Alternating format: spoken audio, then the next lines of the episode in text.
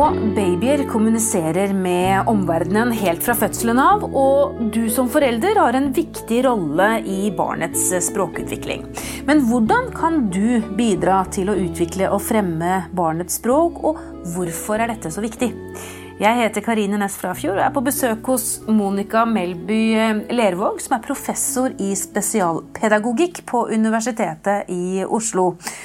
Og først, Monica, Det er kanskje innlysende, men likevel. altså Hvorfor er språk viktig?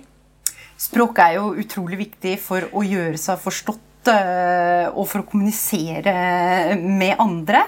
Eh, men det stopper jo ikke der. Vi vet jo at, at språk også legger et veldig viktig fundament for læring eh, i skolen. sånn at når, for at man skal seinere f.eks. For forstå innholdet i en tekst man leser, så må man ha et godt Eh, språklig fundament. Mm. Vi vet, vet, også på lengre sikt at, at gode språkferdigheter eh, er viktig for å, for å delta i, i, arbeidslivet og for å på en måte være en aktiv eh, samfunnsborger. Mm.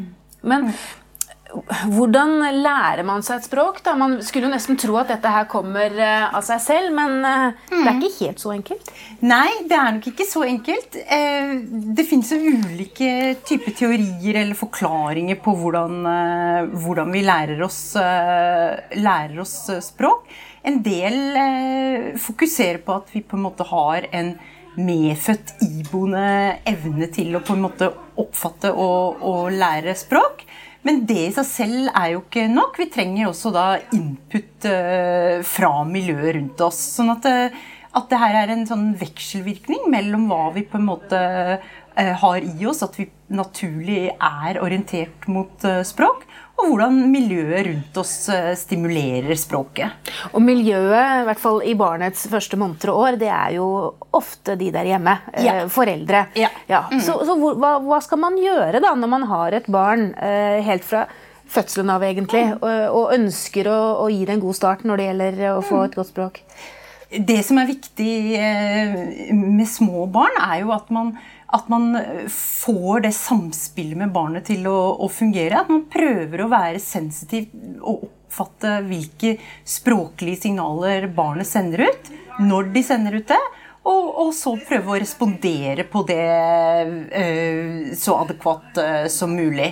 Sånn at barnet vil være uh, hele tiden orientert mot å gå inn i språklig interaksjon mot, med omgivelsene. Og da er det viktig at man som omsorgsgiver da, eller forelder eh, tar de initiativa som barnet, som barnet, gir. Hva kan det være, da? Hva slags initiativ er det barnet gir? Eh, det kommer litt an på hvilken alder vi her snakker om. Men hos helt små barn så vil det være sånne enkle ting som, som blikkontakt. Eh, at barnet viser med, med, armer og ben at det på en måte er aktivt og interessert i omgivelsene. Men hos, hos, litt eh, eldre barn, barn som er noen måneder gamle, så vil man kanskje også ha med eh, mye mer sånn eh, motivert Kanskje gester, eller at barnet bruker hendene til å, å på en måte uh, gi signaler. Uh, uh, bruker etter hvert som bablelyder, som foreldrene da kan kan herme etter og, og, respondere på. Og også gjerne utvide. Sånn at eh, hvis barnet sier én uh, lyd, så kan man uh, kanskje etter hvert utvide og, og, gjøre noe som ligner på den lyden, eller som kanskje er litt mer avansert, som er, ikke enda er en del av barnets repertoar. Ja, jeg har jo hørt at man skal ikke snakke babyspråk tilbake til barn. Eller skal man det? Nei, si det, men det, jeg er ærlig talt usikker på om det finnes noe Jeg tror egentlig ikke det finnes noe forskning som viser at, eh, at eh, det er noe man skal gjøre eller ikke skal gjøre, eller at det kan ha en veldig heldig eller uheldig innvirkning på barnets språk. Men det som i hvert fall forskning viser, er at man ganske automatisk tuner seg inn på samme type tonefall uh, som barna har. Man snakker et litt høyere tonefall når man snakker med små barn. Mm. Og man kan uh, få ganske sånn interessante uh, dialogaktige samspill med barnet. Hvis barnet f.eks. da sier meg, og så kan, kan den voksne si med, og så prøver barnet da ofte å herme etter det. Og så lærer det, så mer, lærer og mer. det mer og mer etter Ja. hvert som det, som det på en måte utvider de, eh, de, ferdighetene sine, da. Og Ofte så tenker vi jo på at dette er bare koselig samspill eller uskyldig lek, men det vi egentlig gjør, det er jo faktisk å lære barna våre språk og lyder. Ja, så det er på en måte grunnlaget for, for språkutviklingen, og det er det som på en måte det at barna da hele tiden utvider sine ferdigheter og, og perspektiver, det er det som, som gjør da at, eh, at det seinere da blir de sant til å lære ord og, og, og setninger. Hvor viktig er det å snakke til babyer som, som kanskje ikke helt forstår hva vi sier? Jeg tror det er viktig, det er viktig at barnet blir vant til å høre språk, eh, språk rundt seg. Og, eh, forskning viser i hvert fall at det å på en måte høre mange ord i miljøet rundt seg, det er da, eh, viser da også sammenheng med barnets eh, ordforråd. Sånn at barn som da har hørt mange, mange ord i miljøet rundt seg, de, de, eh, det er da mer sannsynlig at de også seinere bruker mange ord selv. Ofte er det sånn at vi foreldre, og jeg husker det selv fra jeg leste bøker for barna mine, forenkler litt. Grann. Tenker at nei, dette forstår ikke barnet. Men så har jeg lært i ettertid at det skal man ikke gjøre. Man skal ikke være redd for å bruke ord som kanskje barna ikke helt forstår. Nei, jeg tenker at man ikke skal det, men man kan gjerne da Det her er jo hos litt eldre barn igjen, men man kan gjerne da stoppe opp og prøve å forklare, å forklare ordene som man, ikke, som man vet at, eh, at barnet sannsynligvis ikke forstår. Da. Sånn at, eh, men eh, eh, tekst i bøker vil jo alltid på en måte ha et litt annet ordforråd og et mer utvida ordforråd enn det vi faktisk bruker i dagligtale. Sånn at det, det vil alltid være der ord som barnet ikke, ikke forstår. Noen ganger så greier de å trekke slutninger om hva ordet betyr ut ifra, teksten ellers i boken. Men hvis du merker at det ikke er sannsynlig, så, så eh, så kan det være lurt å, stoppe opp og forklare ordet til barna. Og hvis det er for mange sånne ord, så vil du etter hvert merke at barnet blir ukonsentrert, og at, eh, at det ikke på en måte vi, viser engasjement for boka. Og det kan da rett og slett være at eh, boka inneholder for mange ord som barnet ikke forstår, at det da ikke får med seg innholdet. Så det, det har jeg selv opplevd mange ganger, at jeg har måttet da velge andre bøker. At jeg ser at nei, den her passet jo ikke her. eh, Den, eh, den var nok litt for komplisert for henne nå. sånn at da kan man legge bort boka og så ta den fram igjen litt seinere. Men du, tilbake til de aller minste. Har du inntrykk av at, eh, at foreldre er opptatt av dette med språk? Er de klar over hvor viktig det er helt fra tidlig, tidlig alder? Altså bare vi snakker uker og måneder? Her tror jeg nok det er stor, eh, stor variasjon eh, mellom, mellom foreldre. Og, og jeg tror også at det er viktig å huske at barn til en viss grad også er på en måte robuste her. Sånn at selv om man ikke greier å svare på ethvert initiativ ba- fra barnet fordi man kanskje har andre søsken som trenger oppmerksomhet eller andre ting rundt, så, så betyr jo ikke det at, det er noe som går galt med språkutvikling eller, eller, eller tilknytning. Men, men det som er viktig, er på en måte å være litt oppmerksom på det, sånn at man, at man svarer på, på så mange initiativer som man har mulighet eh, for. Og, og mitt inntrykk er at mange foreldre i hvert fall er, eh, er ganske bevisste på det, men, men her vil det også sikkert eh, variere. Man har, får jo også stadig mer og mer inn av dette i, på helsestasjonen f.eks., sånn at man kan få veiledning eh, om det f.eks. Ja, hva er viktigst da for å få et godt språk? Er det arv, eller er det miljø? Eh, tvillingstudier viser at, eh, at språk eh, i stor grad er ganske arvelig. Eh, det betyr altså at, eh, at eh, Jeg tror man har beregna at ca. 60% av det ordforrådet man har, er, er arvet. Eller er arvelig basert.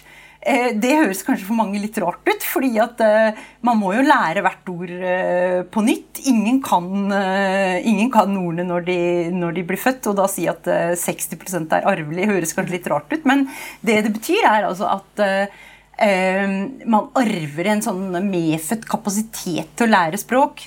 Det kan man sikkert ha sett også selv som voksen hvis man f.eks. pugget gloser sammen med noen. Eh, så så man at noen kunne lære seg de glosene bare ved å se på de én gang, mens andre måtte repetere og repetere. Og det er rett og slett fordi at vi har ulik medfødt iboende kapasitet til å lære, seg, til å lære oss språk. Mm. Men eh, det at eh, rundt 60 forklares eh, av arv, det betyr, betyr, altså ikke at det ikke er noe Det er også en god del som kan forklares da ved input, input av, av, fra miljøet. På samme måte som kanskje eh, høyde har eh, rundt 96% arvelighet. Men vi vet også da at eh, f.eks. kosthold eh, osv. Kan, kan endre gjennomsnittshøyden over tid. Så hvis man på en måte eh, eh får god eh, stimulering fra miljøet, så kan det også da påvirke eh, i stor grad også, også barnas språk. Da. Men det er viktig å huske på det også. Det har en annen side også. at hvis ens barn på en måte sakker akterut i språkutviklinga og strever språklig, så, så, betyr ikke det at, eh, at eh, miljøet rundt ikke har stimulert språket godt nok, eller at, eh, at det på en måte er foreldrene som da nødvendigvis har gjort noe feil. Det, det kan da rett og slett være at barna er født med en disposisjon for å få en, en språkvanske. Mm. Eh, og da vet man at det er visse ting som man kan gjøre for å på en måte stimulere barnets språk, selv om det da har kanskje en medfødt vanske. Eh, men vi vet også da at den språkvansken er jo arvelig, og det betyr jo da at kanskje foreldre eh, Hvis mor eller far har språkvansker selv, så er det kanskje mindre sannsynlig at de har et rikt språk og er veldig opptatt av bøker og stimulerer barnets språk veldig. sånn at det her kan være en, at man både har en arvelig medfødt risiko, men det kan jo også da være at miljøet på en måte kan enten hemme fremme, eller fremme den, eh, den, risikoen. Og det kan jo da være at, eh, at f.eks. Eh, en far med en språkvanske vil kanskje ikke være den som selv da er mest interessert i lesing eller, eller bøker, eller, eller, bruker et veldig rikt språk. Mm. Og det er veldig viktig å være oppmerksom på de tingene der. fordi at årsakssammenhengene her er ganske kompliserte. Og det, det, er ikke så enkelt at uh, man bare ved å snakke mye med barnet eller lese mye for barnet Eh, kan, eh, kan, forbedre språket i veldig stor grad. Man, man, kan gjøre det til en viss grad, men det vil alltid også være på en måte begrenset av da medfødte, medfødte iboende faktorer. Mm, og vi har en egen episode i Babyverden podkast om akkurat det. Så hvis man har, eh, har, lurer på dette med, med språkproblemer, så, så, finnes det en egen podkast man kan søke opp om det. Mm. Men jeg bare lurer på en ting i forhold til dette også. Gutter og jenter, er det noen forskjell der? i forhold til hvor enkelt eller vanskelig det er å lære språk? Eh, forskning der viser vel at, uh, at gutter uh, i, uh, allerede fra ganske tidlig alder har, har litt mindre ordforråd enn en jenter. Men at det utjevnes da over tid når, når de kommer i skolealder eller ungdomsskolealder. Mm. Sånn at jenter er gjerne litt tidligere ute og har gjerne et bedre ordforråd eh, tidlig, men over tid så, så jevnes det her ut. da. Mm. Mm. Vi skal snakke litt om dette med milepæler i språkutviklingen. Når barnet ditt bør kunne hva, men vi tar en eh, liten pause først. Ja, jeg er hos Monica Melby Lervåg. Hun er professor i spesialpedagogikk på Universitetet i, i, Oslo. og Vi snakker om språkutvikling hos barn. Um, og så er det jo sånn at I løpet av uh, gjerne det første året, det første 18 månedene, så er det visse milepæler eh, med ting som barnet eh, bør kunne. Er det noen av de som på en måte er, er viktig å følge med på når man har barn? Det som er viktig å huske på, er jo at, eh, at de, de, første 18 månedene så er det veldig stor variasjon i hva som er en normal uh, språkutvikling. Uh, men det kan jo være da uh, nyttig å følge med på at barnet sånn en eller annen gang rundt ettårsalder har, har på en måte ettårsordsytringer. Hva er det for noe, da? At man altså sier Kan si kanskje mamma og pappa ett og ett ord. Noen barn har da veldig mange ord eh, rundt ettårsalder, mens andre har veldig få. Eh, man tenker seg vel at det, det, det, er da som sagt stor variasjon eh, her. Og at man da rundt, rundt toårsalder blir da etter hvert i stand til å sette sammen de ordene i, i små setninger. Så det, det tenker jeg er viktig å, å, følge med på, men samtidig så tenker jeg at eh, det er ganske mye, mye, forskning som viser at eh, det som på en måte kan se ut som språkvansker sånn før eh, tre-fireårsalder, egentlig er, er bare en, en, normal eh, variasjon, og at mange av de som kanskje da tilsynelatende henger etter ved ett-toårsalder, vil ta igjen det, eller vil på en måte eh, da ikke, eh, ikke streve seinere. Jeg ville tenke at ved fireårsalder så er det veldig viktig å, Tre-fireårsalder, da er det veldig viktig å følge med på barnets språk. fordi da viser det seg at at de på en måte ferdighetene som man da, da har, da går man inn i mye mer sånn stabile utviklingsspor. Og med det menes at, at hvis man på en måte er blant de ved fireårsalder som strever mest språklig, som har det minste ordforrådet, så skal det da mye mer til for å hente igjen eh, de andre uh, seinere. Mm. Sånn at da går man inn i det som vi forskere kaller for mer stabile utviklingsspor. Og det betyr altså da at da, mer, da, har man en mye større plattform. Da skal det mye mer til å hente igjen eh, de andre. Eh, mens det vi vet fra sånn under treårsalder, er at da, da, er det veldig stor variasjon. Og at det, som kan se ut som et problem da, det ikke, ikke, eh, ikke nødvendigvis trenger å, å være det seinere. Eh, men det er også veldig viktig å huske på at å på en måte undersøke og måle barnas språk når de er mindre enn tre år, det er veldig vanskelig. Ja, for Ofte leser man jo at barnet skal kunne så så mange ord ja. nå og så så mange ja. ord da. Det er jo ja, vanskelig og det er veldig vanskelig. Og, og, og, det er også derfor uh, det er veldig vanskelig eh, f.eks. når man er på toårskontroll på helsestasjon, uh, å få målt og kartlagt barnets språk på en pålitelig måte. da.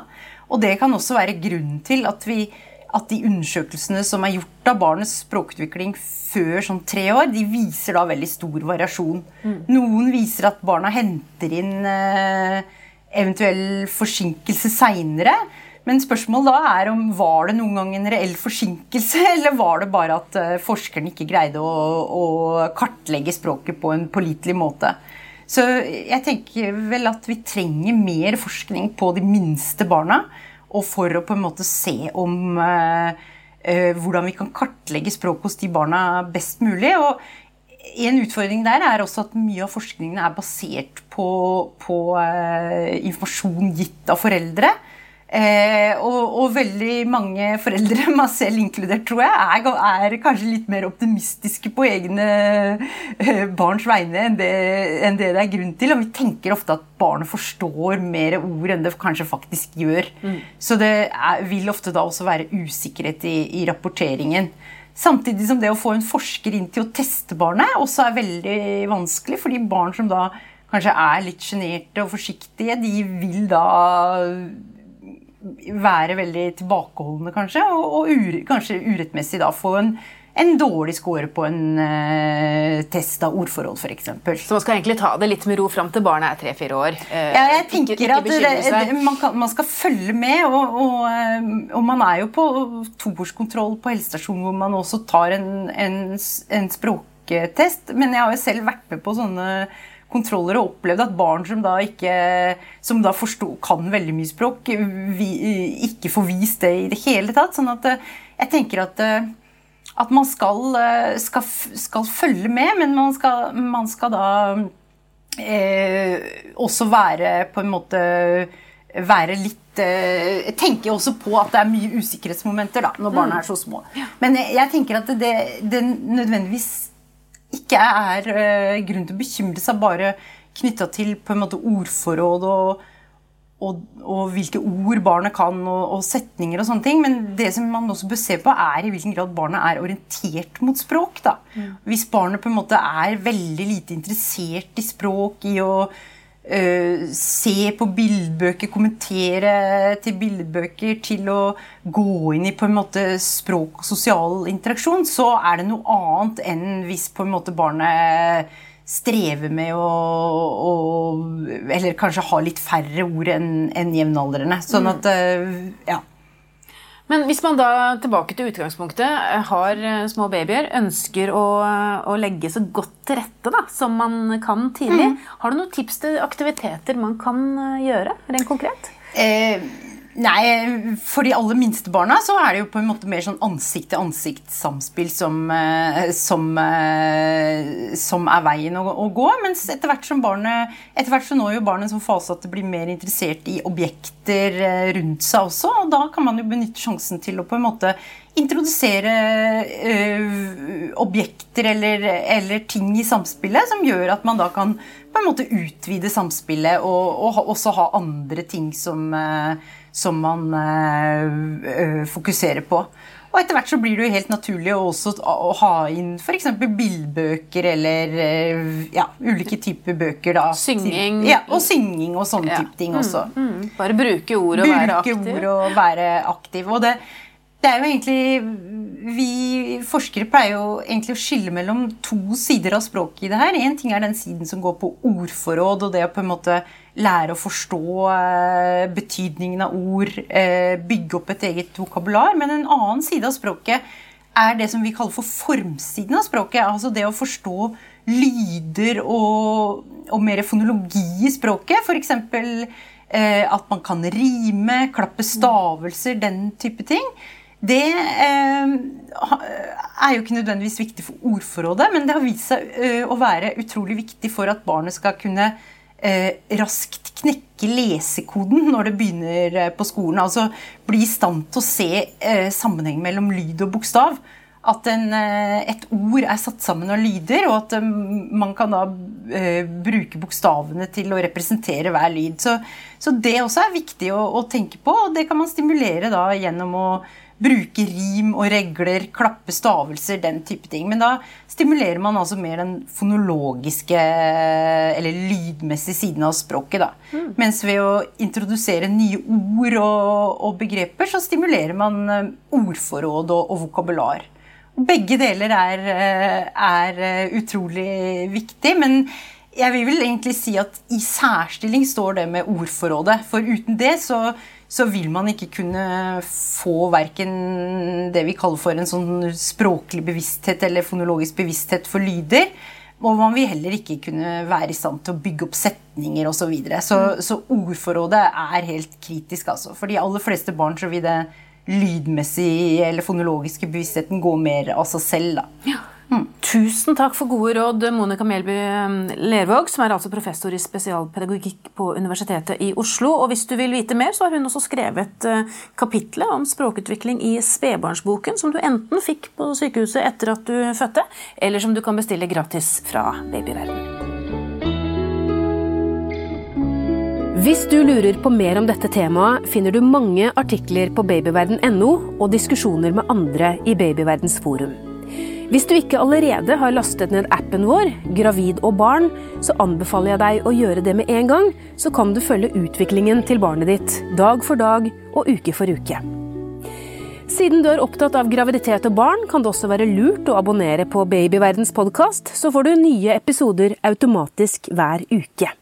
Det er også vi som lager podkastserien Gravid uke for uke. Den bør du også få med deg hvis du har barn i magen. Har du kommentarer eller et tema du ønsker at vi skal belyse, så kan du sende en e-post til podkast at babyverden.no.